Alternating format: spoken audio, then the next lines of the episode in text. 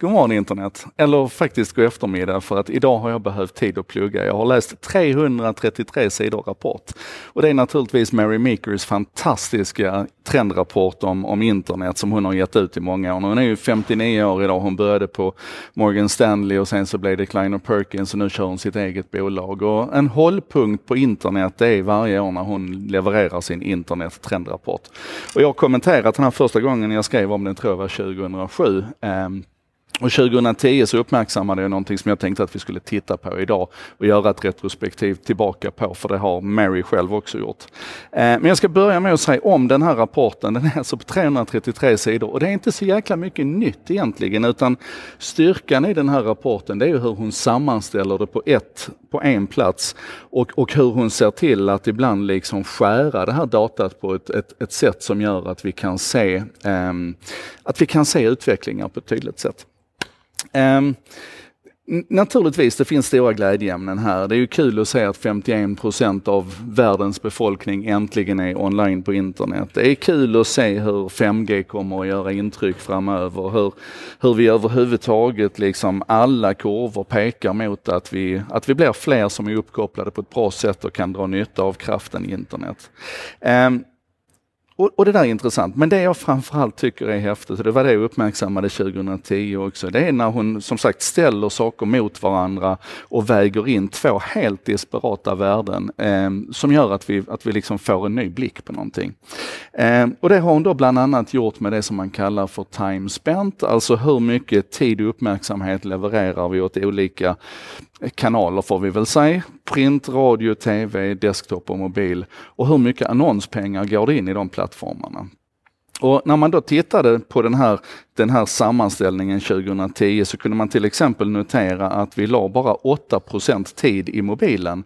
Men att vi la ännu mindre annonspengar där. Bara 0,5 procent av annonspengarna gick till mobilen. När vi tittar på de siffrorna idag så är det 33 procent av vår tid som går i mobilen och faktiskt 33 procent av annonspengarna i USA in i mobilen. Och, och, och det, här, det här känner vi ju förmodligen. Va? Vad vi kanske ser lite mindre av det är hur sånt som print minskar. Där vi 2010 la 8% av vår tid i print men 27% av våra pengar i print. Och nu pratar vi ju jättemycket om hur print, här då det innefattar ju dagstidningar och magasin, hur det går dåligt för den branschen och hur annonspengarna flyr därifrån. Men när vi nu då tittar på 2018 så har vi alltså minskat ifrån 8 nedlagd tid till 3 nedlagd tid. Och annonseringen där har minskat ifrån 27% av annonskakan till 7% av annonskakan. Men det som egentligen är fascinerande där, det är att då är det ju fortfarande en diskrepans när vi lägger mer annonspengar än tid i den kanalen. Och allting pekar mot att det här kommer liksom jämna ut sig över tid. Eh, vi kan också titta på till exempel TV där vi, där vi 2010 la 43% av tiden och 43% av annonspengarna. Nu har det sjunkit till 34% av tiden och 34% av annonspengarna. Och, och Tittar vi på, på eh, internet på desktopen så ligger det nu på 18% tid och pengar, när det 2010 var 25% tid och 19% pengar.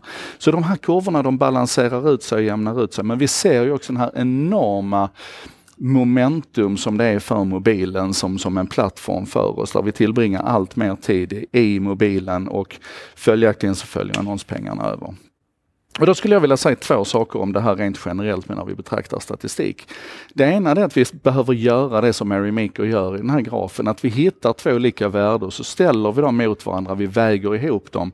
För att det är då vi faktiskt kan göra någon slags ordentlig sens av, ur de här datan. Att, att det, det liksom inte handlar om vanity metrics längre utan det handlar om riktiga värden som vi kan göra nytta av.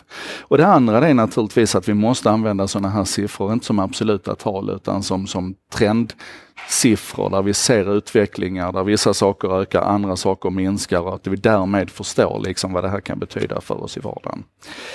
Um, jag ska inte rekommendera dig att läsa 333 sidor rapport ifrån Mary Meeker, men jag tycker du ska gå in och titta på en timme presentation med henne i alla fall. Hon har en väldigt unik presentationsstil också där hon drar igenom de här siffrorna. För att utöver det jag har sagt här nu som jag tycker är viktigt, alltså att fokusera på rätt sorts värden och att fokusera på trender, så får du ändå en bottenplatta i den rapporten på vad som är viktigt att veta om internet 2019.